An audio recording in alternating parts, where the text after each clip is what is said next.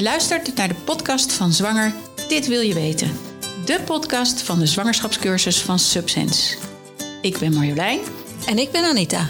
Wij hebben jarenlang als verloskundige bevallingen begeleid. En in deze podcast gaan we jullie regelmatig bijpraten over topics die aanstaande ouders bezighouden. Dus wil je informatie en tips direct van een professional, of je nou thuis of in het ziekenhuis gaat bevallen, mis dan geen van onze afleveringen, zodat je zo goed mogelijk voorbereid bent op die aanstaande geboorte.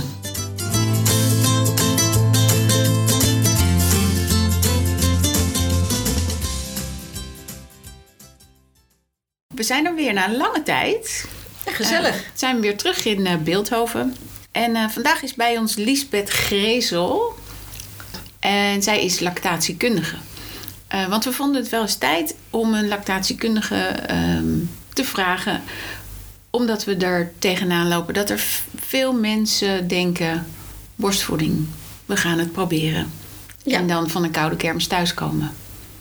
Dus vandaar, welkom. Lisbeth. Dankjewel, dankjewel. Leuk dat ik hier mag zijn. Ja. Wat, wat, wat is een lactatiekundige of lactatiedeskundige? Nee, niet deskundige, maar zijn een lactatiekundige. Ik ben wel deskundig, denk ja, ik, hè? Jawel, jawel. maar net als verpleegkundigen zijn wij Ja. lactatiekundigen. Ja. Eh, lactatiekundige is een specialist in borstvoeding. Dus wij hebben een opleiding gedaan. Ik in dit geval in de Hogeschool Utrecht. eh, van anderhalf jaar. En ehm, je moet dus eigenlijk wel een, eh, eh, een basis hebben qua kennis. Eh kraamverzorgers in het verleden mochten dat ook doen, die opleiding. Of Mhm. verloskundige. En ik ben van huis uit kraamverpleegkundige. En in die hoedanigheid was ik geïnteresseerd in de borstvoeding. En ik heb die specialisatie gedaan. En dat duurt anderhalf jaar. En dan moet je dus heel veel ervaring, praktijkervaring ook hebben daarbij. Het eerste wat dan in me opkomt, ik begrijp zeker dat dit beroep bestaat, hè, maar als kraamverpleegkundige of kra- kraamverzorgster Mhm. weet je al een hele hoop, hè? Ja, dat is echt en de basis. nog, ja. Oh, dat Ja. is echt de basis. Ja. Ja. dat is echt de basis. En we zien toch best dat er veel dingen eh, fout gaan. Vooral in de beginperiode van de borstvoeding. Eh, en dat eh, moeders niet eh, weten waar ze hun hulpvragen kunnen stellen. En dat de kraamzorg daar ook niet altijd genoeg mee uitkomt. En dat de kennis echt basis is. En als er een probleem is, dan is het toch fijn dat je echt een specialist kan raadplegen. Daar is veel Ja. behoefte aan. Ja. Want uit de praktijk weet ik nog dat, dat als je bevallen bent en je gaat borstvoeding geven, dan kom je thuis, heeft de kraamzorg. Die helpt je bij de voeding. Want je staat natuurlijk met twee linkerhanden, denk ik dan. Als je net eh, een kindje hebt gekregen.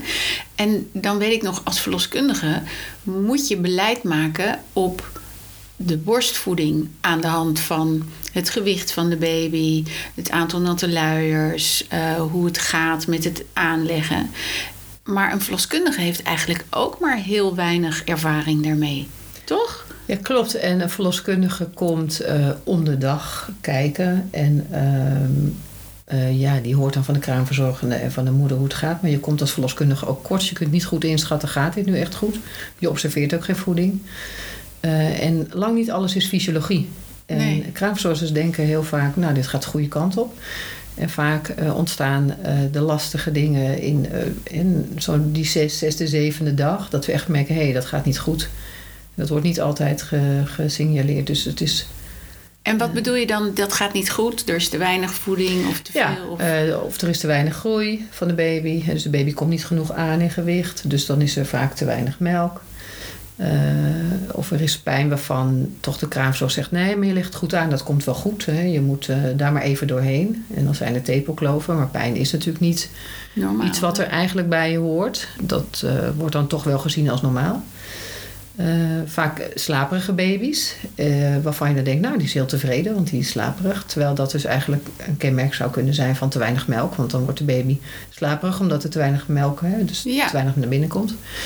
Eh, dus niet alles is, eh, is fysiologisch en dat wordt niet altijd eh, onderkend door de uh, kraamzorg. Dat is ook moeilijk. Ja. Dus bij twijfel eh, eh, is het goed dat je dan eventueel hè, een deskundige kan raadplegen. Ja, zeker. Maar- Ja, als je het zo schildert, is het eigenlijk raar dat je niet in ieder kraambed waar voeding gegeven wordt, waar borstvoeding gegeven wordt, eh, dat je daar langskomt. Ja, heel veel moeders zeggen dat ook. Oh, kan je niet nog één, keer mee naar huis? Hè? Als, eh, als ik dan eh, de moeders bijvoorbeeld zie op de kraamafdeling waar ik dan ook werk. Dat is ook zo. Het zou heel mooi zijn. Maar het is eigenlijk eh, 50% denk ik van de moeders gaat prima. En loopt Maar dat is toch weinig, hè? Want ik, als ik nou kijk vanuit het concept de natuur... en jij Mhm. noemde net twee keer het woord fysiologisch. Fysiologisch betekent eh, gezond, normaal, hè? dat het normaal verloopt. Vroeger was er zo'n stichting borstvoeding natuurlijk. Mhm. Hè, borstvoeding is natuurlijk. Waarom kunnen wij eigenlijk dan niet... Waarom is het niet meer dan 50% wat dan natuurlijk verloopt? Ja, ik weet natuurlijk niet zeker of dat 50% is. maar Mijn inschatting is zo'n er 50, zijn 60%. veel- Maar het de- is best een ding Ja. om borstvoeding te geven. Mensen zijn er ook Ja. onzeker over. Want dan zeggen ze... Ja, ik denk dat ik borstvoeding ga proberen. ja. Ja, ik, als, als wij vragen in de cursus, ga je borstvoeding geven? Dan is het antwoord, ja, we gaan het proberen. Ja. En dan denk ik, ja, eh, Dus dat betekent... proberen lukt altijd, maar borstvoeding lukt niet altijd. Nee, Nou, zeker niet als je het probeert. Je kunt Nee. natuurlijk ook zeggen... Ja, ik ga borstvoeding geven. precies. Dan zie je het natuurlijk nog wel, hè, waar je tegenaan loopt. Dat is een beter uitgangspunt. Ik ga borstvoeding geven. Ja. Ja. Maar Ja. wat is nou zo moeilijk? Waarom, is, waarom doet de natuur zo moeilijk? Nou, heel vaak gelukkig doet de natuur het heel goed. Hè, Ja. Dus dat is natuurlijk heel fijn. Ja, Eh, maar toch in een aantal gevallen is dat gewoon niet zo. En is het wel goed dat je dat op tijd onderkent. Eh, en er zijn echt wel redenen waardoor het minder goed lukt. Eh, tegenwoordig is toch best wel veel bevallingen ook wel gemedicaliseerd. Hè, bij keizersnedes of Ja. zeker bij een vrouw met veel bloedverlies. Dan zie je dat de productie minder goed op gang komt. De vaste baby wat te vroeg is. Of al is het al drie weken eerder. Dan noemen we dat een rampprematuur. Dat zijn toch situaties waarbij het toch minder vanzelfsprekend is. En een heleboel moeders, daar gaat het prima bij. En zeker als ze al een keer eerder borstvoeding hebben gegeven... dan zie je vaak bij een tweede kindje gaat het nog veel makkelijker. Komt het sneller op gang. Maar er zijn echt behoorlijk wat redenen waardoor dat lastiger gaat. Tegenwoordig zijn moeders ook vaak eh, wat ouder. Eh, sommige moeders worden niet spontaan zwanger. Dus dan is er hormonaal iets waardoor het niet helemaal eh, makkelijk gaat. Dan komt er soms ook minder melk. Er zijn echt wel een aantal redenen waardoor het niet zo vanzelf gaat. Als baby's ziek zijn, als baby's te vroeg geboren worden, op de afdeling opgenomen worden. Maar stel, alles is oké. Mhm. Je bent leuk eh, jong zwanger of, of eh, normaal zwanger. En ehm, dan zijn er nog heel veel valkuilen, denk ik. Ja, toch zie je, zeker bij de jonge eh, vrouwen die zwanger zijn. En, wat is jong? Nou ja, rond 25 is natuurlijk mooi jong. Dat is een mooie leeftijd om een moeder te worden. Hm. En, eh, maar wil ook niet altijd zeggen dat het daar 100% soepel loopt natuurlijk. Maar ehm, wat was je vraag? Nou, stel, je, je noemde net allerlei factoren die meespelen. Dus Mhm. een medische bevalling, hormonaal niet helemaal eh, de juiste balans hebben. Ehm, maar stel, alles is ja, normaal in de voorwaarden. En je kindje komt op tijd ter wereld en je hebt ja, een pittige bevalling gehad, maar nou ook niet zo heel heftig. En dan ga je voeden.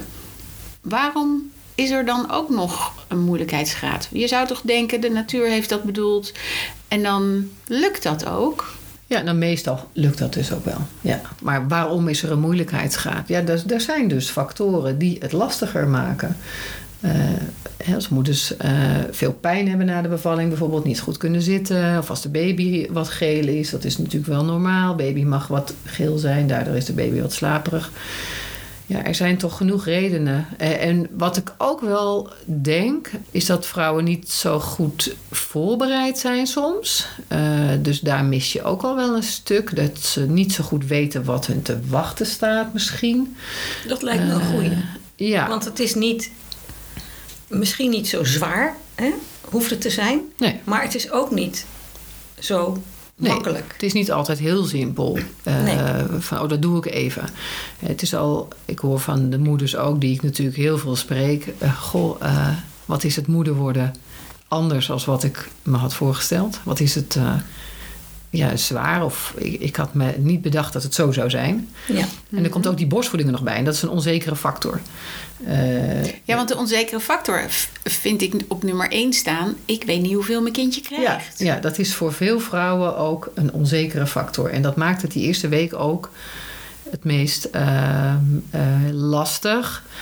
Eh, want je bent al wat onzeker over de hele situatie, het moeder zijn en, en de verzorging van de baby. En dan weet je ook nog niet of de baby wel voldoende drinkt. Dus dat is ook lastig. Dus het is goed eh, om je goed voor te bereiden daarop. En ehm, ook te kijken in je omgeving van zijn er vriendinnen die gevoed hebben of uh, of ga erover lezen op de plekken waar het verstandig is om, uh, om te zoeken. Dus ga niet op allerlei forums kijken.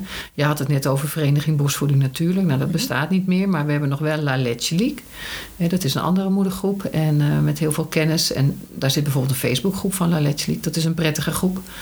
Daar zitten dus moeders, maar ook leidsters. En die hebben een, ook een opleiding genoten. Dat zijn geen lactatiekundigen, maar wel een goede achtergrond, zeg maar. En die hebben ook allemaal lang gevoed. Mhm. Dat is ook goed om daar bijvoorbeeld te lezen. En er zijn een aantal websites die heel goed zijn. Dus de website van uh, La Let's Leak onder andere. Of uh, borstvoeding.com, www.borstvoeding.com. Ja. Dat is een goede website. Daar kun je heel goed je informatie vandaan halen. Veel ervaringsverhalen, maar ook lactatiekundigen of kinderarts die daar artikelen hebben geplaatst.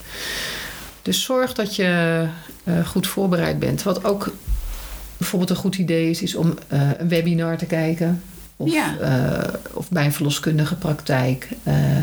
daar heb je soms ook voorlichtingsavond of middag van een lactatiekundige. Ja. Zoiets. Dus heel praktisch. Want bereid je voor, dat is het halve werk. Als je weet wat voor beren er op je weg komen, dan, uh, dan is het makkelijker om daarop te anticiperen. En vroeger in, in mijn tijd werd er gezegd ja, en dan moet je je tepels alvast uh, primen, zou maar zeggen, in de zwangerschap.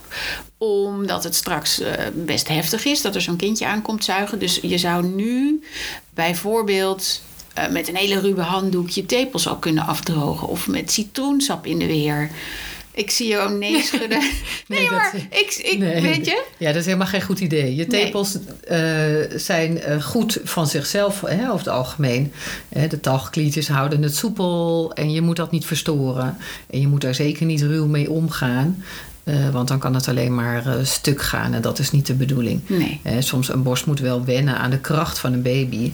Maar alles valt of staat met goed aanleggen bijvoorbeeld. Als de baby alleen maar de tepel in zijn mond heeft, dan gaat het sneller stuk. En de hele borst moet in zijn mond. En, en ja, en dus daarom is dat voorbereiden met een ruwe handdoek of iets, of met citroensap, dat is echt uh, uh, uit grootmoederstijd. En dat is eigenlijk niet uh, raadzaam. Zeg nee. maar. Dat is geen goed idee. Nee, oké. Okay. Nee. Hey, over uit grootmoeders tijd gesproken. In onze tijd, toen wij net klaar waren, was het zo dat je kinderen borstvoeding gaf, zeg even ruw om de drie uur. Hè? Toen kwam er een tijd borstvoeding op verzoek. En nu lees ik bij mensen op hun uh, Insta mm-hmm. dat het weer is op tijd. Nee, echt niet. Het is voeden op verzoek. Ja. Uh, want dat is ook die onzekere factor waar jij het over had. En dat maakt het ook wel lastig. Maar een baby moet zeker de eerste paar dagen eigenlijk bij de moeder een beetje wonen.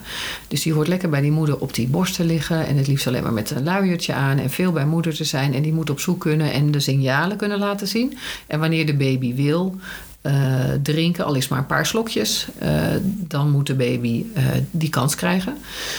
dus niet met een fopspeen in zijn mond, zodat je de voedingssignalen mist, maar het liefst de baby dicht bij je hebben en het liefst veel uh, huidcontact, dan leer je de baby snel kennen. Maar dan zie je ook die signalen. En een baby hoort wel tussen de 8 en de 18 keer te drinken de eerste uh, week. Ja, Jongen, ja, dat zeg je wat. Dat is best wel vaak. Maar het zijn soms per dag maar, heb je het over. Ja, per dag, Niet per 24 uur. 8 ja, tot 8 tot 18, 18 keer. keer. Dat is normaal. Ja, dus ja. wat is normaal? De baby moet zelf uh, de productie op gang brengen. Dus die moet eigenlijk onbeperkt toegang hebben tot die borst. Maar dan snap je toch wel dat het soms niet lukt? Nee, nou ja, Omdat weet je, ze dit niet doen. Nee, maar we willen met z'n allen natuurlijk zoveel dat het gewone leven weer direct doorgaat. Ja, daar zeg je wat. Kijk, ja. als die baby geboren is, dan moet je eigenlijk een beetje afsluiten van die gewone wereld en van, van alles wat we met z'n allen willen. En dan moet ja. je je eigenlijk een beetje nou ja, in je eigen kokonnetje terugtrekken. Gek genoeg, die corona heeft daarin Trouwens, Oh, lijkt het een. een, een Geholpen, hè? ja, wel wat geholpen. Want we zien dat uh, ouders veel meer uh, in hun eigen uh, bubbel zitten. En dat over het algemeen ook meer moeders nu kiezen voor borstvoeding. Ook natuurlijk vanwege de antistoffen. Maar het lukt over het algemeen ook meer omdat ze de rust nemen. ik, ik hoorde ja net over Insta en zo.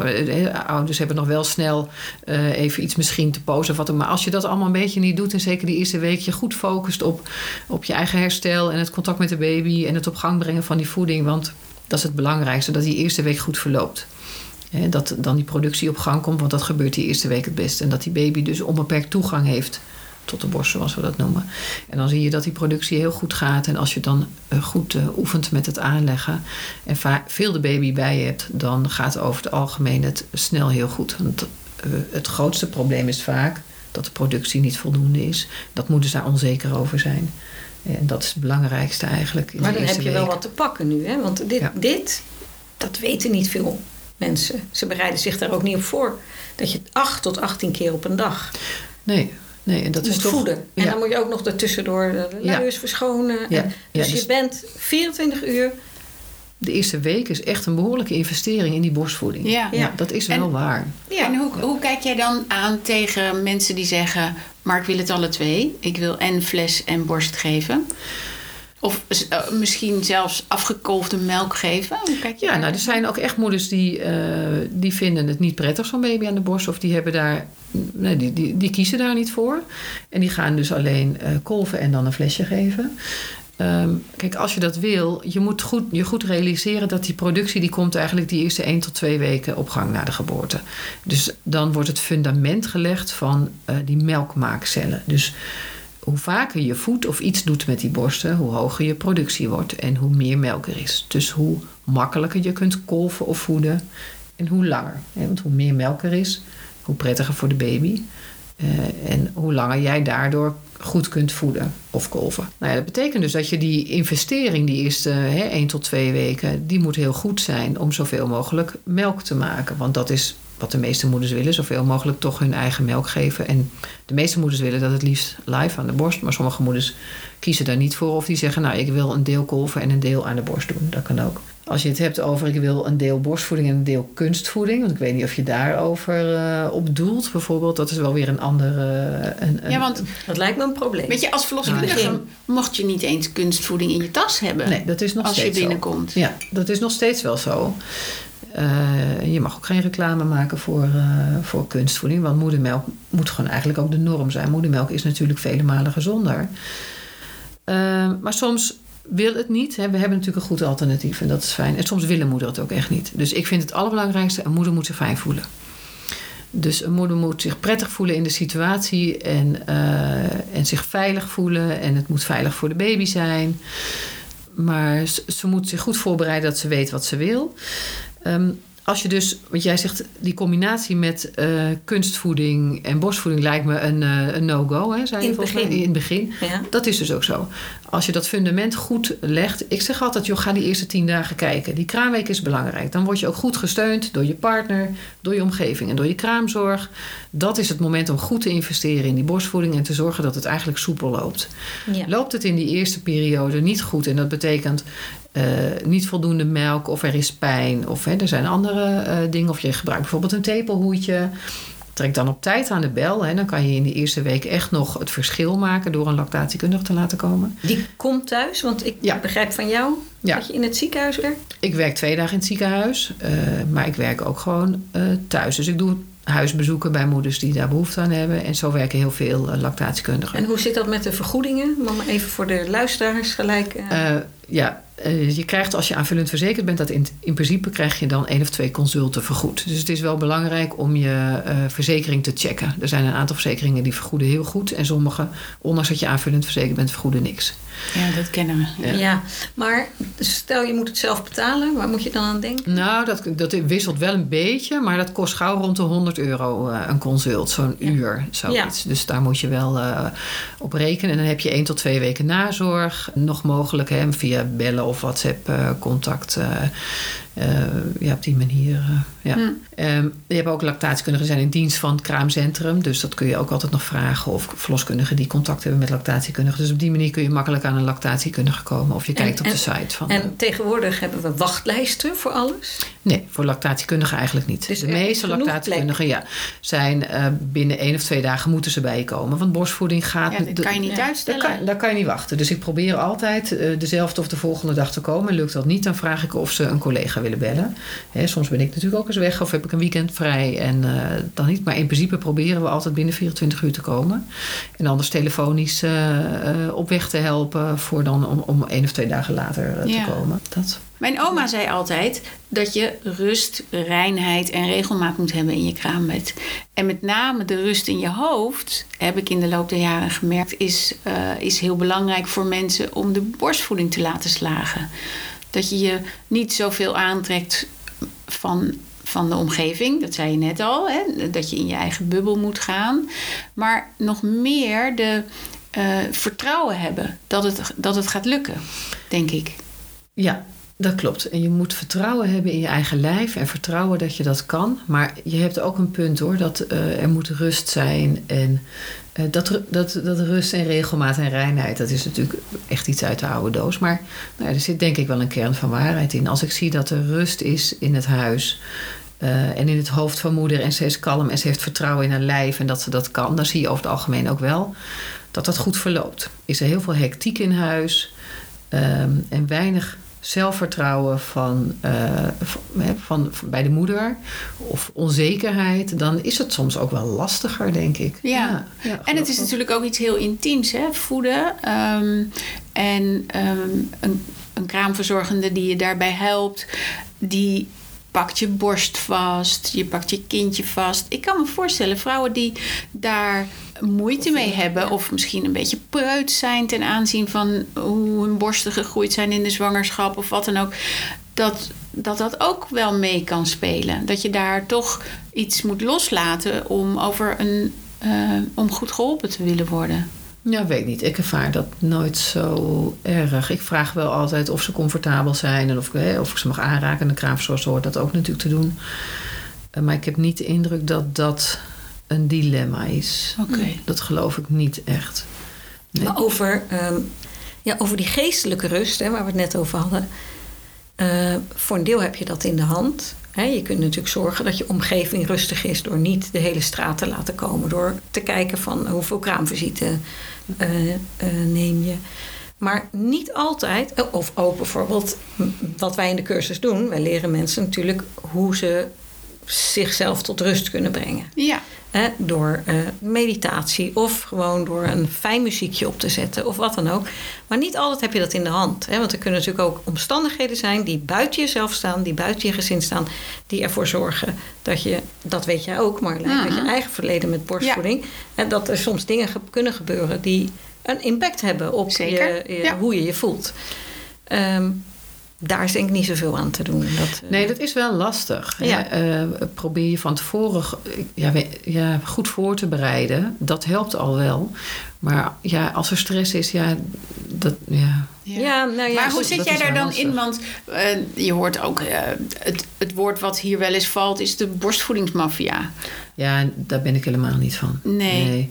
Weet uh, je, verklaar je even nader, wat oh. is de borstvoedingsmafia? Nou, de borstvoedingsmafia wordt gezien als van borstvoeding is heilig. En dat is de enige manier van voeden van je baby.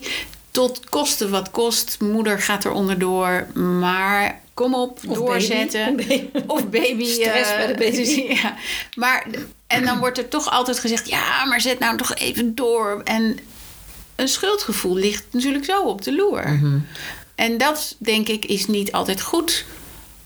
Nee, ik vind het wel heel naar woord hoor, die borstvoedingsmafia. Ik begrijp het ook nooit zo goed.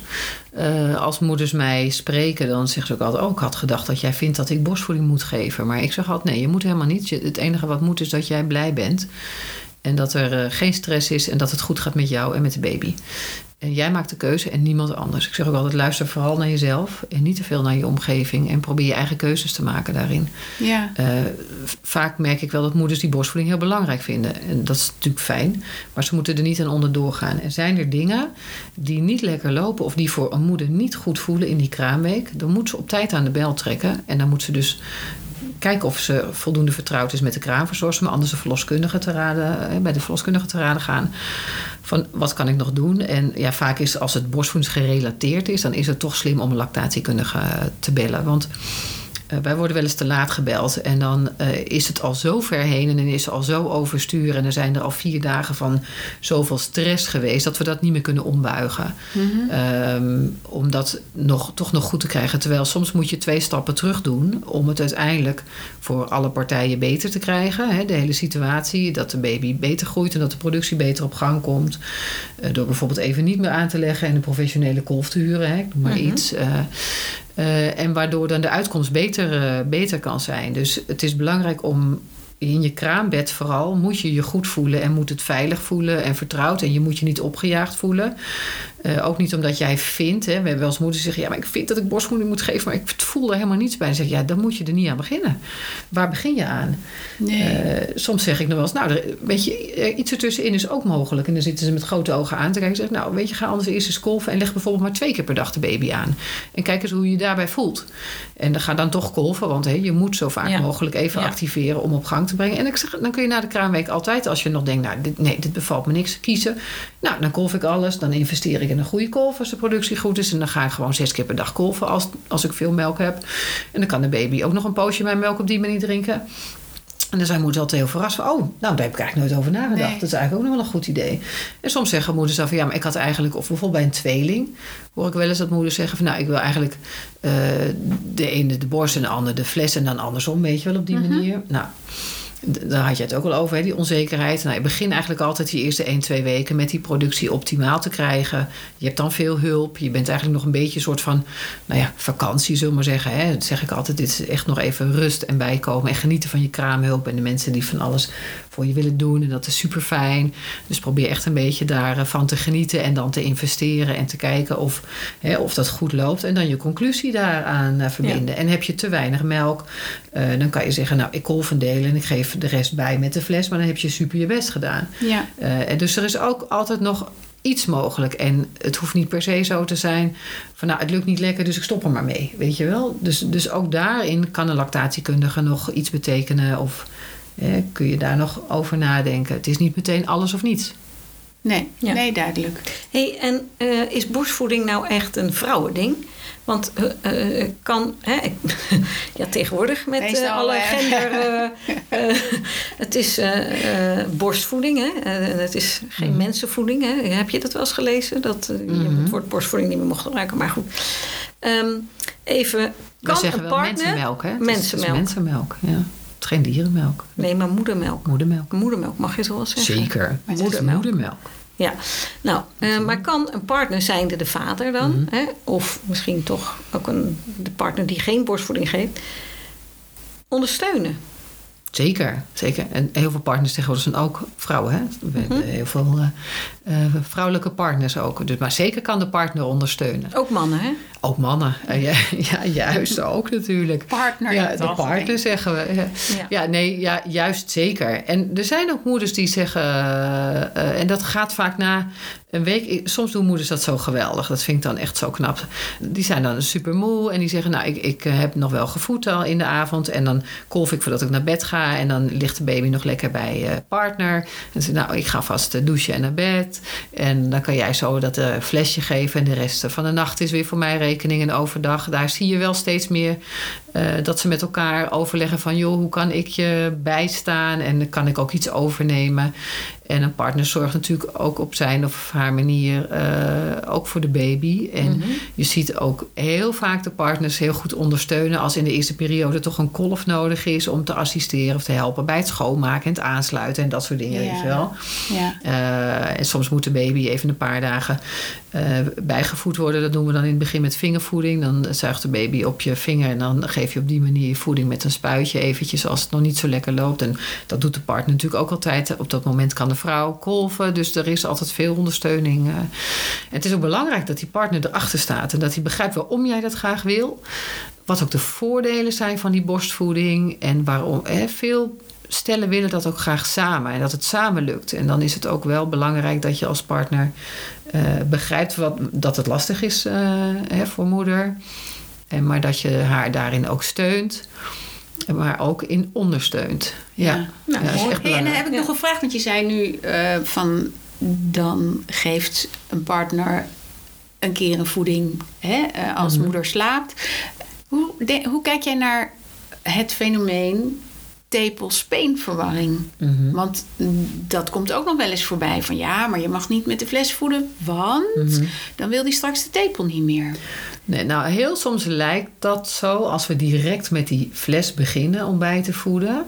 Het is bijvoorbeeld wel zo dat als een baby te vroeg geboren is, um, echt voor de 36e week, Eh, dan is dat vingervoeden, wat we de eerste drie, vier dagen liever doen, is dan eh, te vermoeiend. Dus dan voeden we sowieso met een fles.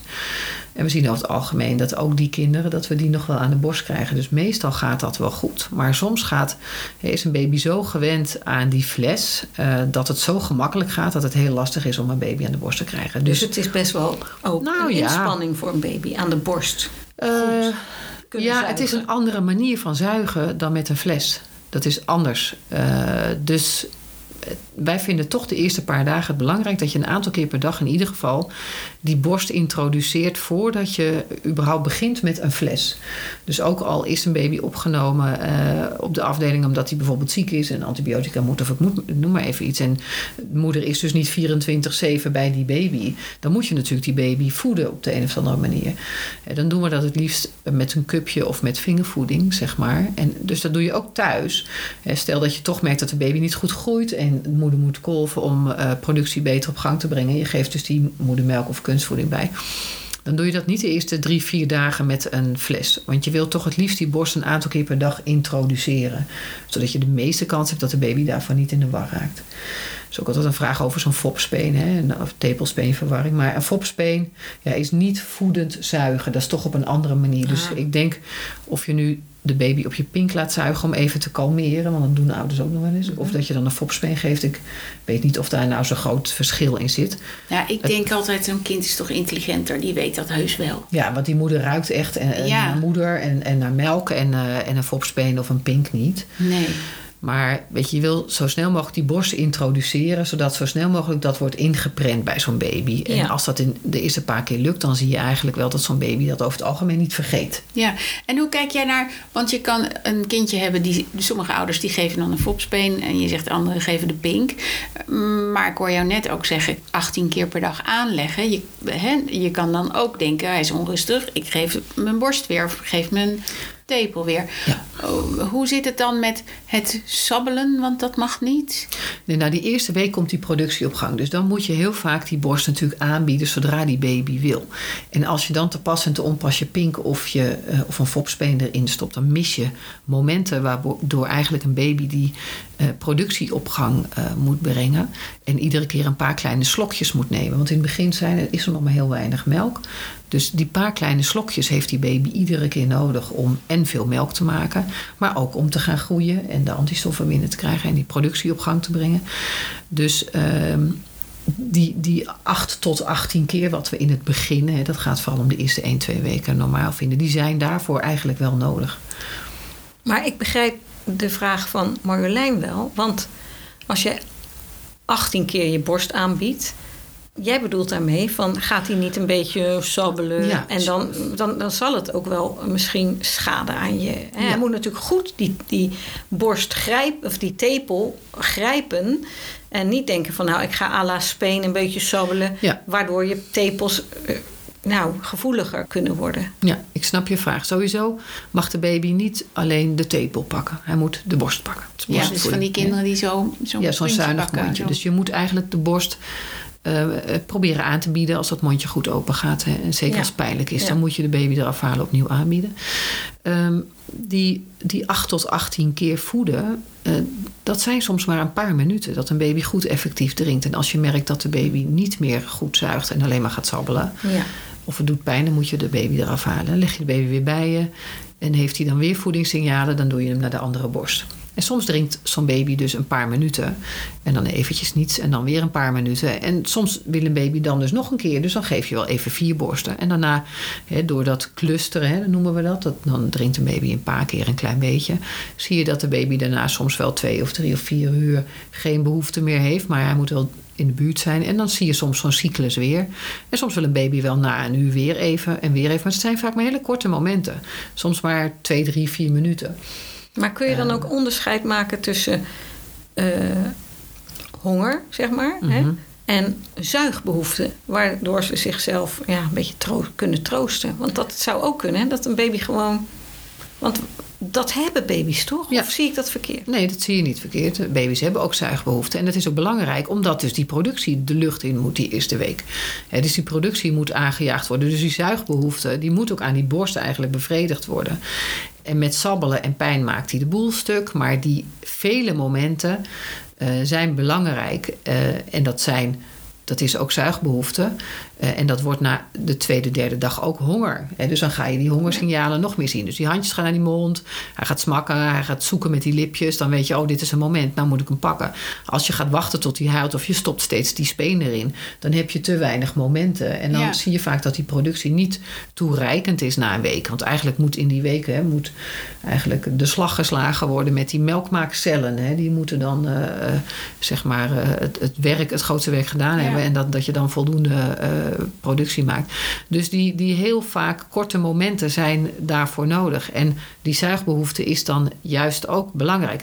Zoals die tweede nacht, we zien ook vaak in het ziekenhuis, eh, of als ik thuis kom bij moeders, die tweede nacht is ook vaak echt heel heftig. Ja, de eerste nacht dan kom je s'morgens aan Ja. en dan zeggen ze... nee hoor, Ja, helemaal geen last gehad. En dan de volgende dag, dan lopen ze echt op hun tandvlees. Ja, en dan is het heel gauw bedacht dat je denkt, nou ja, dit gaat niet goed en ik heb niet genoeg en ik stop er maar iets anders in. Ja. Of van spenen of van of kunstvoeding.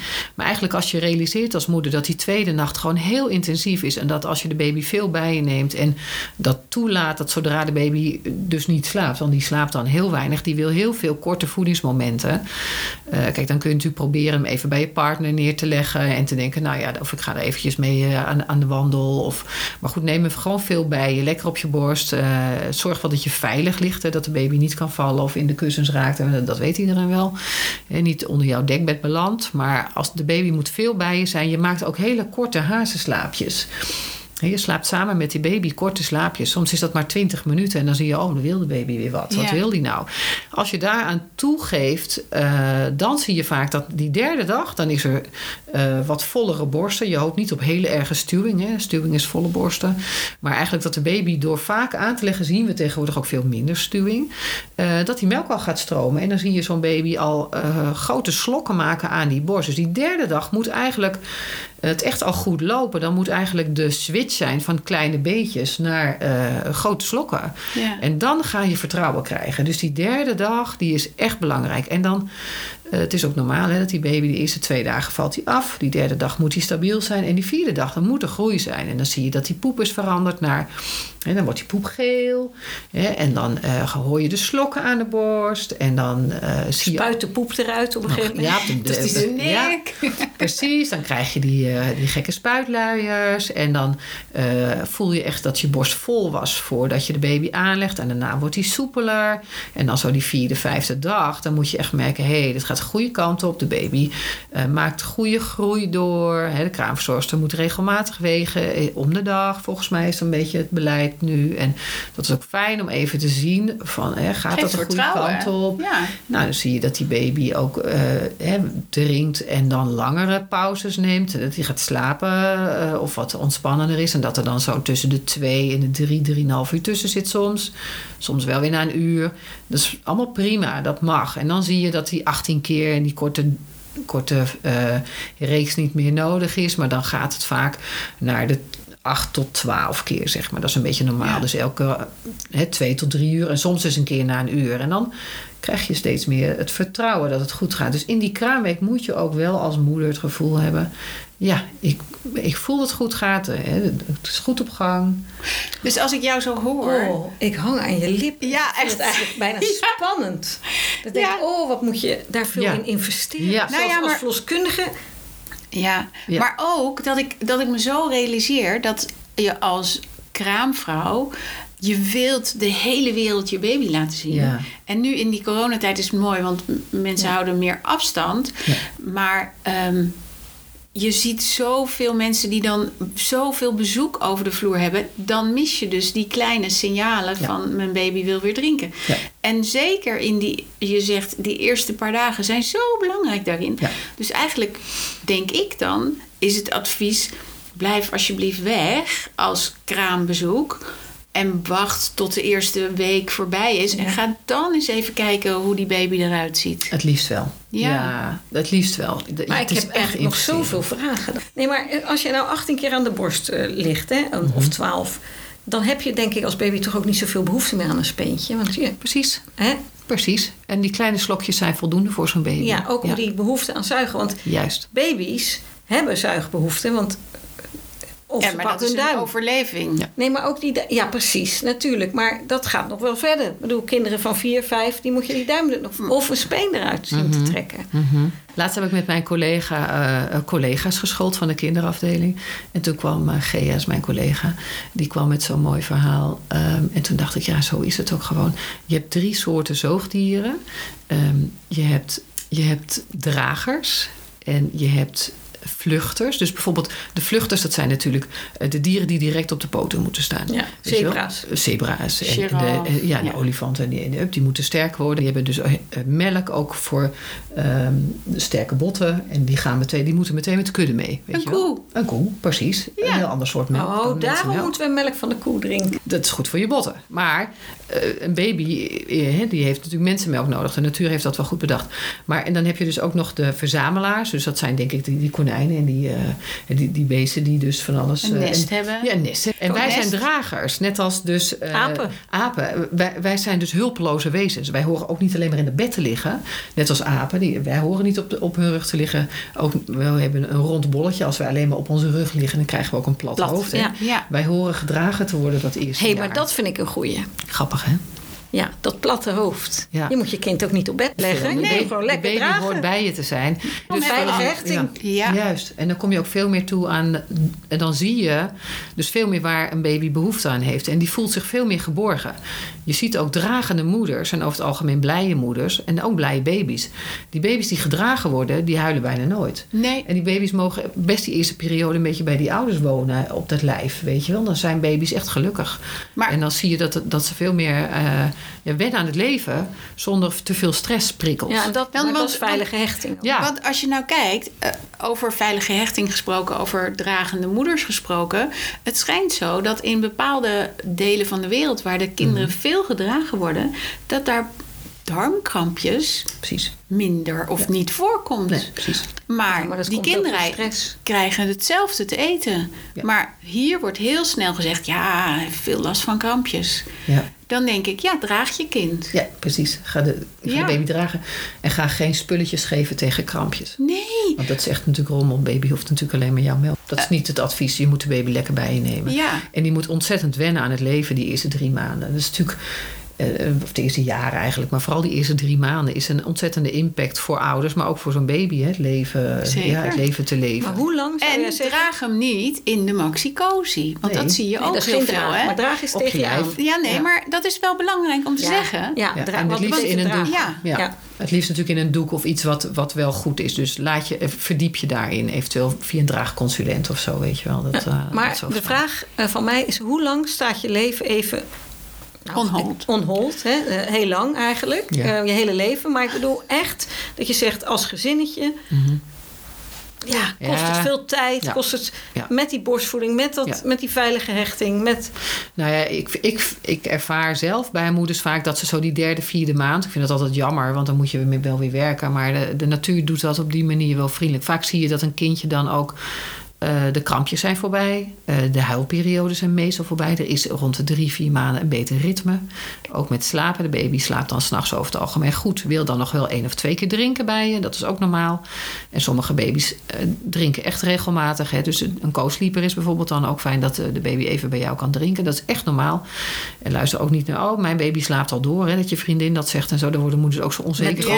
Dan ja, dan, Nou, ja. helemaal niet. Want het, dat hoort helemaal niet. Een baby hoort echt nog gewoon wakker te worden. En weet je, dat is allemaal normaal. Maar het, het leven wordt weer wat eh, normaler. En, en het eh, ritme. En dat de baby het, het leven een beetje goed kan leven. Zo rond die drie, vier maanden. Dat de ouders goed gewend zijn. Maar met het voeden moet het eigenlijk binnen twee weken wel lekker lopen. Ja. Dat wel. Maar ik zie vaak toch moeders nog onzeker zijn. Ik was vanmorgen bij een moeder. En die was eh, zesde of zevende week. Ging geweldig. Wat een prachtige gegroeide baby. Maar ze had toch nog veel, veel vragen en onzekerheden. Was eerst kindje. Eh, terwijl ik zeg, joh, alles, het gaat zo goed. En de baby groeit zo goed. Maar die onzekerheid die blijft wel. Dat duurt vaak een maand of drie. En dan eh, ja, vertrouw je nog meer op jezelf. Ja. Je, jij weet toch het beste wat er voor je, hoe het het beste is voor je baby. Je weet dat echt. Probeer eh, zeker te zijn. En wees trots wat je doet. En, eh, Laat ja, je niet te veel beïnvloeden door anderen van buiten. Nee, dat vind ik echt opvallend. Dat moeders ook nog veel eh, luisteren naar hun omgeving. En daarom is nu die, sowieso, die, die bubbel is wel fijn. Ik vind social media zo, en daarin best wel lastig. Weet je wel, wat eh, moeders allemaal te horen krijgen... of wat ze vinden, waar ze aan moeten voldoen en zo. Maar ja, jij komt nu ook op social media. Ik, oh, oh ja, dat is waar. Ja, dat geeft niet. Ja. Want we hebben een podcast, Ja, hè, dat is social media. Ja. En daar hebben moeders dan hopelijk weer heel veel eh, Profijt van. profijt. Ja. Ja. dat is waar. Hè, en ik nee, maar maak, ze eh, posten altijd zoveel dingen, ook Ja. in die kraamweek. Dat is dus waar wij het over hadden met dat Ja. rust en niet te veel bezoek. En eh, hoe snel staat de baby al op Facebook of Insta of whatever, weet je wel. Dan denk ik, oh, dat kan over volgende week ook. En, Ja. eh, ja, en maar staat trek- de baby wel op één, hè? Ja, Of Nou, social ja. media. Zie Ja. je toch ook wel eens? Ja, wij hebben het natuurlijk in de, in de les heel vaak over. In de cursus vertellen we dat we juist die voedingsmomentum... dat je die moet gebruiken om je baby te leren kennen... om naar hem te kijken, om, om, om fronsjes te leren kennen. Ja. En dan moet je niet op je WhatsApp zitten. Nee. Want dan zie je dat niet. Nee. Nee, ik vind ook wel dat... We, soms dan belt een moeder mij en dan is de baby al twee of drie maanden. Ze zegt de laatste tijd is het, gaat het voeden zo onrustig. En dan iedere keer los en happen en los. En het ging zo goed en het ging allemaal zo soepel. En dan eh, ben ik in huis daar en dan staat de tv aan of die radio Spotify, wat ik allemaal hoor. Of een heleboel ruis. Of, eh, dus probeer maar weer eens terug te trekken. Ga maar weer eens terug naar de basis. Ga maar weer eens gewoon lekker op je bed liggen met de baby. En, eh, doe Gaan we weer. Rust, reinheid. Beetje schemerig. en een oh, beetje- was zo gek nog niet. ja, weet je, een beetje in de, en in de rust en eens terug naar, eh, hè, naar de beginsituatie. En eh, nou, vaak krijg ik dan later inderdaad terug van... eh, ja, als, als ik wat meer focus op het aanleggen... en wat meer in de rust en even mijn telefoon weg en de televisie uit... en eh, niet te veel prikkels, dan gaat eigenlijk het voeden over het algemeen Nou ja, kijk, Grappig dat- is dat. Nou ja, dat is Dat eigenlijk is wat, wat we wij- overal hoorden. Hè? Want we hebben het met het prikkelproefplan gehoord van die Ja, pedagogen. maar, maar wij Oh. zeggen het zelf ook. Want wij leggen uit over het parasympathische zenuwstelsel. Nee, zeker. Want voeden, zelf, jezelf ook voeden, dat moet je ook in rust doen. In rust. Anders krijg je last van je darmen. Dat wordt bij ons allemaal uitgelegd. Maar ook met de- sommige dingen, daar heb komt je rust steeds- voor nodig. Steeds terug. Want de kraamverzorgende die hier zat, Ja. Marja van der Wart, die zei ook... leg alsjeblieft je kind niet in de box in de kamer... want dan leer je je kind hazenslaapjes doen. Ja. En dus... Ja. En ook het prikkelproefplan. Ja, Die zegt ook van, nou ja, weet je, ook als je je kind op bed legt, heb dan niet al die mobieltjes daarboven. Want Nee. dat is, dat is geen prikkels, Dat is- ja. ja. het zijn te veel prikkels. Ja. Dus prikkels, en tegenwoordig zijn er nogal wat, Ja. en voor ons ook, hè. Dat maken meer kapot dan je lief is. bij ons nog wel baby's opgenomen hè, die dan heel veel huilden bijvoorbeeld. eh, eh, maar dat, dat zie je toch veel in deze periode. Dat, ja, door alle prikkels. En zeggen we, probeer eerst dat maar eens te vermijden. En ja, ga de baby meer bij je nemen. Ja. Vaak zie je dat dat al een eind... Ga je eh, baby dragen. op, op, Dus eigenlijk zeg je... neem alsjeblieft een draagzak. Dat is wel heel fijn. Ja. ja. ja. Ja. En dan kun je ook afwisselen als partner. Tuurlijk. Want eh, dat kind de hele tijd draag je op. Nou, het is best zwaar, hè? Want Ja. zo'n kindje groeit natuurlijk enorm snel. Nou. Ja. Als je, ik geloof dat ze in het eerste levensjaar drie keer hun eigen gewicht krijgen, het geboortegewicht. Ja. Dus dat is wel wat. Als Ja. je dan eh, met eh 3,5 kilo begint, dan zit je al gauw. Ja. Ja, Ik weet nog wel dat ik twee kinderen op mijn ene heup, Oh. één op de andere heup de ander. En dan lief. Ja, ja. ja, je wordt er op den duur wel handig in. Maar het is ook wel goed om dus te investeren in een goed eh, iets wat bij je past. Dat bij jouw lijf past. Eh, en daar heb ik dan niet zo heel veel verstand van. Maar draagconsulenten dan wel. Ehm, maar dat je iets neemt wat ook klopt bij het gewicht van de baby. Maar wat ook goed is ergonomisch gezien. Want als je in het begin zo'n heel klein babytje wat pas geboren is, die wilde ook heel veel bij je zijn. En dan is het natuurlijk heel fijn dat je kan dragen. Maar als je dan zo'n baby al in zo'n voorgevormde draagzak doet of zo, dat mag helemaal niet. En dat is dus niet goed voor, eh, voor de rug. Dus verdiep je daar goed in. En misschien hebben jullie ook contact met een draagconsulent. Nou, die krijgen gaan we zeker. eh, Nou, die we binnenkort. Dat is heel leuk, maar eh, dat is ook voor, voor, eh, voor ouders wel, eh, een goed idee om daar eh, je ook een beetje in te verdiepen hoe je dat doet. ja. En eventueel eerst eens te oefenen met een pop van oh, hoe knoop je dat ding. Of je hebt ook dingen die minder ingewikkeld zijn, die je niet heel erg hoeft te knopen en zo. Maar dat is wel, ja. Dat lijkt mij ook wel. eh, Ja. Ja. nee, Ja. dat, zijn, Dat zijn allemaal hele goede tips. Ja. Nee, maar ik heb nog wel een paar vragen over verschillende vormen van voeden. Jij zegt vingervoeden Mhm. met een cupje, afkolven, verschillende soorten spenen. Hè? Daar hebben mensen ook vaak een, een mening over. Die speen wel, die niet. En, Je bedoelt speen voor de, Voor de verschillende flessen. ja, ja. maar even eh, vingervoeden. Jij zei, dat doe je met je vinger en een spuitje. Ja. Ja, en dat doen we eigenlijk. De kraamzorg heeft altijd een spuitje bij zich. Of als je in het ziekenhuis nog bent, dan Oh, hebben het is gewoon met een spuitje. Dat is vingervoeden. ja, dus dan doe je de melk in een spuitje. En dan dan laat je baby je- op je vingers zuigen. Dat doet je partner dan meestal. Maar je kan jezelf natuurlijk ook doen. Of de kraamzorg laat je in ieder geval zien hoe dat werkt. En dan kan de baby op die manier toch wat voeding krijgen... wat jij dan afgekolfd hebt. Als er dus redenen zijn waardoor de baby bijvoorbeeld te slaperig is. Of, oh, Ik je snap het niet? Nee, Oh, wacht. Nee, je wacht legt even. het- Je, je hebt de, de baby, die zuigt die op je zuigt pink. op jouw vink. Ja. Pink. Daarnaast Ja. zet jij dat spuitje. Ja, dat snap in ik het dan. hoekje Ja. van, de, Ja, van de mond. En op het moment dat de baby Kijk. zuigt, Ja. dan mag jij zachtjes met die stamper dus dat een beetje duwen, zodat er dus wat melk in komt. En dan is het wat minder geknoei. Er zijn ook veel kraamverzorgers die kiezen gewoon voor een klein cupje, een soort medicijn. Ja, dat deden wij altijd. Ja, dat is een, dat- een flexibel cupje. En dan Juist, dat is een soort glaasje. Dus, Of een lepeltje. Of een lepeltje. Wij hebben bijvoorbeeld ook van die afkolflepeltjes. Dat is super handig, want wij adviseren eigenlijk moeders. Dat is ook nog een leuke, hebben we het helemaal niet over gehad trouwens. Over dat kolven in de zwangerschap bijvoorbeeld. Maar of net zo die eerste twee, drie dagen. Kolf ook gewoon veel tussendoor met je hand even.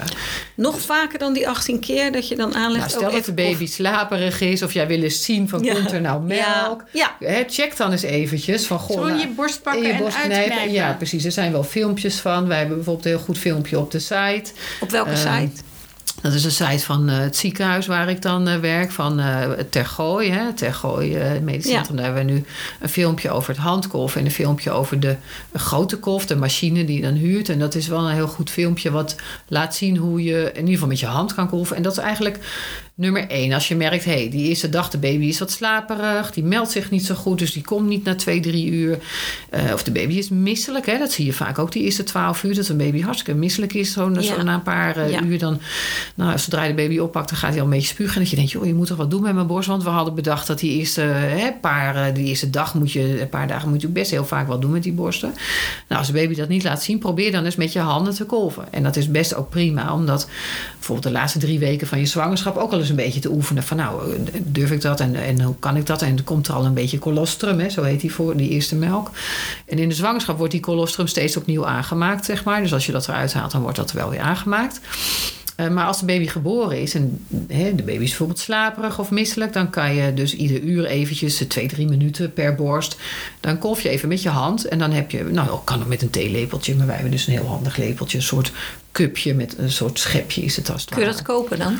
Ehm, nee, volgens mij is dat niet te koop. Maar goed, weet je, een theelepeltje werkt net zo afdoende. En de kraamverzorger kan daar echt handig mee uit de voeten. Ja. Nou, en dan, en dan heb je dus een paar, eh, een bodempje op, op het theelepeltje. Nou, als Ja. je dat bijvoorbeeld elk uur eruit kan halen... omdat de baby niet bij jou wil zuigen, is dat top.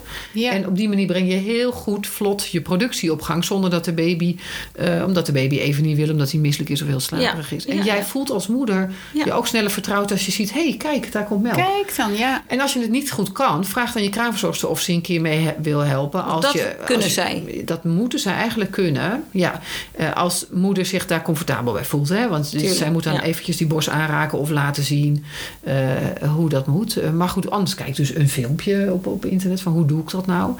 Ehm, Even, en het maakt dus niet uit of je grote of kleine of... eh, Ingetrokken hoe- tepel. Nee, hoe, hoe je borst eruit ziet. Want je hoeft niet dubbel D te hebben om goed te kunnen voeden, Nee, toch? Nee, je ziet dat vrouwen eh, met een A-cup kunnen soms, de meeste vrouwen kunnen ook prima eh, voeden. Heel soms, eh, dat is een bepaalde vorm van de borst, een tubulaire borst noemen we dat. Een beetje zo'n tuba-borst, die is helemaal leeg van klierweefsel. Die heeft niet tot nauwelijks klieren, borstklieren. Daar zien we wel eens dat de productie niet op gang komt. Dat is dus een bepaalde vorm van de borst. Maar over het algemeen, als een vrouw een kleine ronde cup heeft, zeg maar, of eh, een grote, maar bij kleine cup ook, als, die, als daar wat klierweefsel in zit, is het eigenlijk over het algemeen prima. De opslag is soms wat minder. Hè? Dus soms zie je dat een baby dan na 2, 2,5 uur wil drinken op den duur. In plaats van, ja, als je wat ruimere opslag hebt, zie je nog wel eens. Of als die productie gewoon groot is, dat zo'n baby wel na drie uur wil drinken. Dus soms zie je dat een baby eens iets vaker wil drinken. Oh, grappig. Ja, Jij noemt dat ruimere opslag. Ja, ik heb is- ruimere opslag.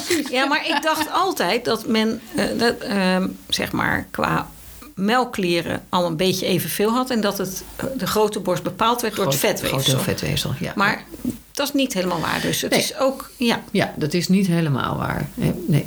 Sommige vrouwen hebben dus heel weinig klierweefsel. En dan zie je over het algemeen dat die productie heel krap is of niet op gang komt. Ja, Dus dat Mm. gebeurt wel eens. ja.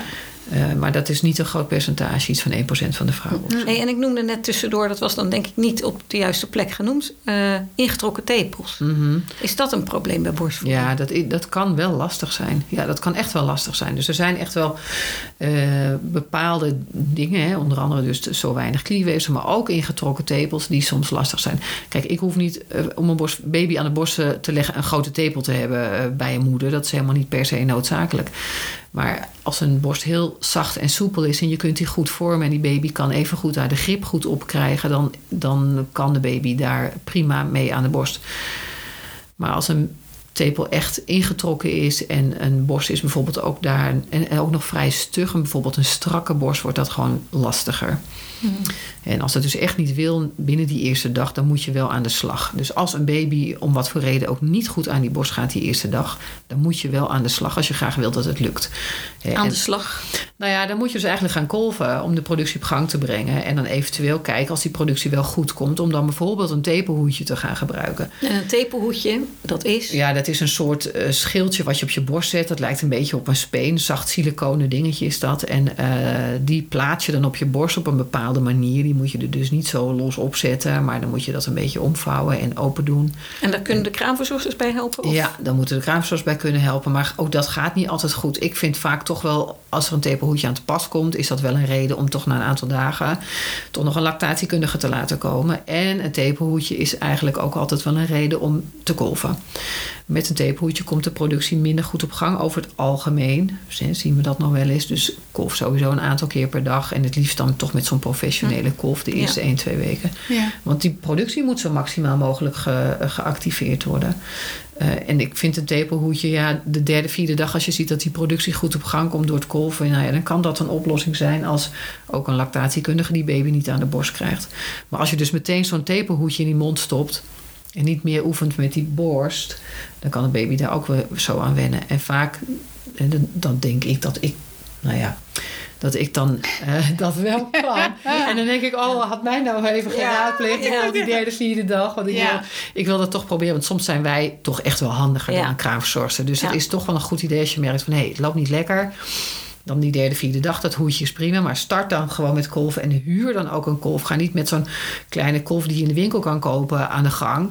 Want dat zie ik nog wel eens vaak, dat, dat, eh, dat is wel jammer. En dan is er zo'n enkelzijdig elektrisch kolfje of een handkolfje. En dan, en dan kom ik zo, zo, zo de achtste dag en dan, ja, en dan zeggen die moeder, ik wil helemaal niet in de borst. en Het lukt maar niet of het is kapot. En dan zeg ik, nou ja, wat voor kolf heb je? Een kolfje? En dan zegt ze, ja, 20 milliliter. En dan denk ik, oh, maar die eerste week is al bijna voorbij. En, Ja. en, dan, en die productie moet eigenlijk natuurlijk de lucht in. Dus dat is dan zo teleurstellend. Maar Dus- hoe ziet die... eh, Nou, dat Ja. is zo'n naast het bed staand ding helemaal. Ja, weet je, En die wat kun je voor geluid huren. maakt die? Die is vrij stil, dat is heel fijn. Oh. Die is erg stil. En eh, dat is professioneel groot apparaat. En die is echt gemaakt om, om, om jaren mee te gaan. Die kolven gaan wel 15 jaar mee.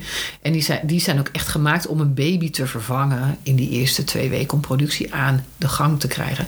Dus als een baby niet aan de borst gaat, of er is pijn, of er is, en de baby is ziek, of eh, bij een opname of te vroeg geboren of whatever. Dan is het advies niet gaan met een kleine kolf aan de slag. Maar huur eerst even zo'n professioneel ding. Dat doe je bij de thuiszorgwinkel of in het ziekenhuis. Eh, en als die productie dan heel goed is, eh, dan is het prima om hem dan terug te brengen en te zeggen: Nou, nu schaf ik een kleine kolf aan. Dat is dan wel een ja, goed dus idee. je kunt Ja, dus niet op voorhand een kolf aanschaffen. Eigenlijk ook niet in de zwangerschap. Nee, want je weet helemaal niet hoe het loopt. Nee, en dan zit jij met een kolf. Ik had laatst een moeder en die had zo'n kolf wat je in je BH kan dragen. En die had er meteen twee gekocht. Die was gewoon 500 euro kwijt. En die borstvoeding ging helemaal niet goed. En het was echt narigheid. Eh, en toen moest ze alsnog even huren. En toen dacht ik, oh, nu heb je al 500 euro uitgegeven. En die productie kwam er helemaal Zonde, niet mee op gang. Ja. Eh, en dan denk ik, oh, dat is echt wel zonde. Eh, Ja, dus en- pas op. Pas Nou op ja, en met wat ook social zo- media. Want Ja, dat. Ja. Nou ja, weet je wat ook nog wel zo meespeelt? Tegenwoordig heb je best veel, eh, of een aantal in Nederland, lactatiekundigen die hun eigen winkel hebben, hè, waar je borstvoeding, waar je kolven kunt testen. En eh, dat is best goed om je daar eens in te verdiepen, want dan kun je, eh, hè, dat wordt dan vergoed door de verzekering als je dus lactatiekundige in je pakket hebt. Maar dan kun je dus een aantal kolven uitproberen en zien wat er bij je past. Want sommige kolven eh, zijn heel sterk en zijn echt gevoelig of maken heel veel lawaai of zijn niet oplaadbaar of zijn maar voor één borst. En dan denk je, nou ja, ik bestel maar wat bij uh, Bol. Ja, je hebt geen, kan, geen idee. Je hebt geen idee en dan, en dan worden wij gebeld van ja, ik heb nou een kolf en er gebeurt helemaal niets. Of uh, ja, uh, Nou ja, of- zoveel nou ja, borsten, zoveel kolven natuurlijk. dat. Dus ja. het is ook nog wel een goed idee om, als het lekker loopt met die borstvoeding, om dan te denken, nou ja, is een kolfconsult bij een lactatiekundige misschien een goed idee. Want dan Oh, weet dat je. kan een Ja, kolfconsult. een kolfconsult. Ja, en dan kom je dus in de praktijk bij een lactatiekundige. En er zijn er behoorlijk wat in Utrecht, of wij doen dat ook. Of in Amsterdam en eh, in Doorn en in Hengelo. En, nou, Overal. Al genoeg. Maar dan moet je even goed zoeken bij eh, lactatiekundigen die een wat grotere praktijk hebben. En dan kan je, dat is natuurlijk heel fijn. Dan weet je Ja. ook wat je koopt. Ja, Nou, exact, ja. wat een hoop tips hebben we gekregen. Jongens, we zijn echt al heel lang bezig, hè? Ja. Oh, Dit- echt? Oh. ja. Ja. Hè, en zijn we wat vergeten te Nou, jij had het toch over flessen en zo. Dus ik dacht, oh, volgens mij had ik daar nog geen antwoord op Oh, die spelen. Over flessen, Ja. want je hebt, je hebt Ja. adventflessen en je hebt eh, Ja, al die merken. en eh, Dr. Ja. Brown. eh, Ja, gedoe, hè? eh, gedoe. Ja. En wat maar eigenlijk wil je helemaal geen fles. Nee, nou dat is ook lastig. Wat moet je nemen, kan ik eigenlijk helemaal niet zo goed adviseren. Maar ik vind het altijd wel grappig, want de meesten moeten kopen een Avent, want dat lijkt op een borst. Dan denk ik, nou, er is geen fles die op een borst lijkt. En de Avent gaat heel hard.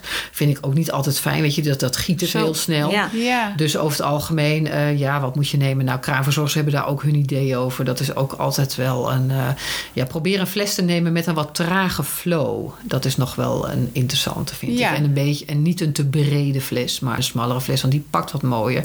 Dus dan lekken de kindjes vaak wat minder uit die mondhoek. Het moet niet De- zo je hebt het over een brede of een trage fles. Over de Eh, speen. over de speen die in die fles zit. Sommige flessen hebben echt een wat tragere flow. Bijvoorbeeld die Avent, dat gaat heel ja, ja, hard. ja. hè. Je hebt van die 1, 2, 3 spenen. Ja, of je hebt bijvoorbeeld een premature speen gaat traag. Of weet je wel. Dus je kunt een premature speen Bijvoorbeeld. Ook kun voor je-. Ja, ja. voor je baby Ja. die wel op tijd is ja, geboren. en die, die dus wat moet omdat het wat trager gaat. Die gaat wat trager, dus dan moet een baby wat meer zijn best doen bijvoorbeeld. Dus je laat een prematuur eigenlijk meer zijn best doen. Een prematuur wil je niet laten verslikken. Ja, dus wij leggen een premature baby of een baby die nog niet zo oud is... vaak ook meer op de zij als we een flesje geven... zodat hij ook het eigen tempo kan bepalen. We noemen dat early feeding skills. We kijken naar de baby. Dus je wil eigenlijk de baby niet die fles eh, erin gieten, als het ware. Nee, en dat een baby, nee. het is haast slikken of stikken bij zo'n fles. Weet je, dan Ja, zo'n ja. kind in paniek. En wij zeggen dan, leg de baby wat meer op zijn zij. eh, zodat de baby, eh, dat nog wel net de speen gevuld is... maar dat de baby zelf pa- kan pauzeren en weer kan zuigen. En weer kan Dat is pauzeren. eigenlijk ook wat hij aan de borst doet. Juist.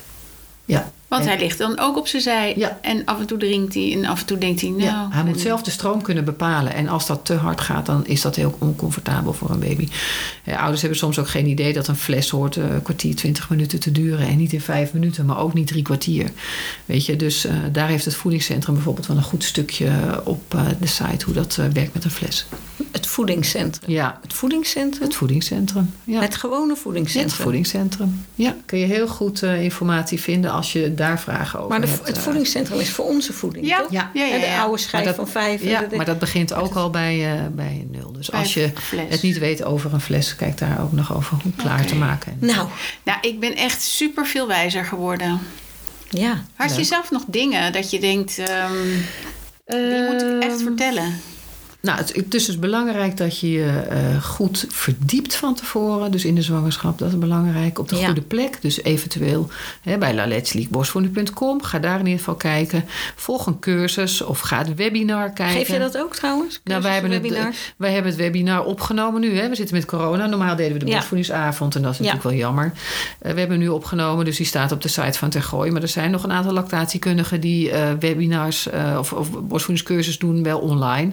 Nu even niks meer fysiek. Dat gaat wel weer komen. Dus kijk in je omgeving. Als je, hè, webinars zijn vaak natuurlijk gratis. Maar eh, hè, kijk in je omgeving zelf... eh, bij je lactatiekundige of het ziekenhuis... wat zij bieden aan eh, informatie. Nou, eerste week is het allerbelangrijkste hè, voor het fundament. Ehm, en zijn er problemen, raadpleeg op tijd. Hulp, dat is natuurlijk belangrijk. Wacht. Dus wacht niet te lang. Hè. Probeer echt in die kraamweek. Voelt dat goed? Hè? Ben je die vierde, vijfde dag door en gaat het goed? Dan gaat het goed. Maar loopt het dan niet goed? Bel dan. Hè, laat dan in ieder geval een, eh, een lactatiekundige komen. En eventueel als je al het idee hebt dat je baby bijvoeding moet krijgen, omdat je bijvoorbeeld een zware baby krijgt, een lichte baby krijgt, een tweeling krijgt, dat soort dingen. Verdiep je dan eens in kolven in de zwangerschap. Lees daarin bijvoorbeeld de folder op de site van Te Gooien of ergens anders. Je hebt de informatie op borstvoeding.com. Uh, dus dat is ook een interessante. En ehm, het is ook wel interessant om eens te, te, lezen over kruiden en borstvoeding. Sommige kruiden zijn goed voor de borstvoeding uh, en sommige niet. Uh, wat bijvoorbeeld ook niet meer zo goed is, wat vroeger iedereen dacht, is de borstvoedingsthee. De borstvoedingsthee wordt niet meer aangeraden. Uh, want daar zit venkel en anijs in. En heel veel moeders drinken toch nog borstvoedingsthee.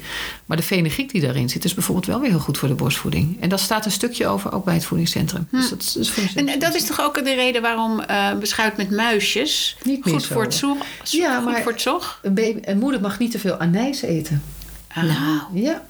Ja. Nou, dus dat- lees dat hè? stukje even als, eh, als je moeder Nooit wordt. van gehoord. Dus als je Ja. losgaat op de beschuit met muizen, Is- nee. nee, dat Nee, niet. er is iets met anijs, dus verdiep je er Dus even niet in. alle oude wijsheden. Nee. zijn waar. Nee. Precies. En nog een laatste tip ook. eh, koop geen tweedehands kolf liever. Vaak zie je toch dat de kracht afgenomen is. En dan nou, komen mensen bij ons. Mag je, kan ik, wil je even mijn kolf doormeten? Nou, wij kunnen prima de kolf doormeten. Maar vaak weten we al, een kolf die tweedehands is, daarvan is eigenlijk de kracht. Want de kolf gaat meestal maar twee baby's mee. Dan is hij wel op. Dus koop hem gewoon niet tweedehands. Dat is dan duurkoop. Ja. En ook niet zo hygiënisch misschien. Nee, maar als jij met je eerste kindje begint, dan zou ik inderdaad. eh, Kan je hem nog wel gebruiken. ja. En je kan hem Nee, door laten meten, heb ik net gehoord. Ja, nee, nee, maar ik bedoel, als je met je eerste kindje, dan zou ik een nieuwe kopen. Want misschien heb je bij de tweede en de derde ook nog nodig. Nou ja, en het allerbelangrijkste van borstvoeding, en dat is net als met bevallen, eh, vertrouw op je lijf, volg je gevoel hè, en, en dan komt het bijna altijd goed. Leuk Echt interview, dankjewel. Graag gedaan. Ja, Ja. ja. je, Ja. je praat ook leuk. En, eh, hè? Het is wat langer geworden dan Mijn we dachten. kinderen die gaan direct naar jou toe. Oh, wat ik leuk. denk ook. Ik, maar Nou, goed, welkom hoor. Ja, als ze zwanger zijn. Hè? Ja, precies. Ja.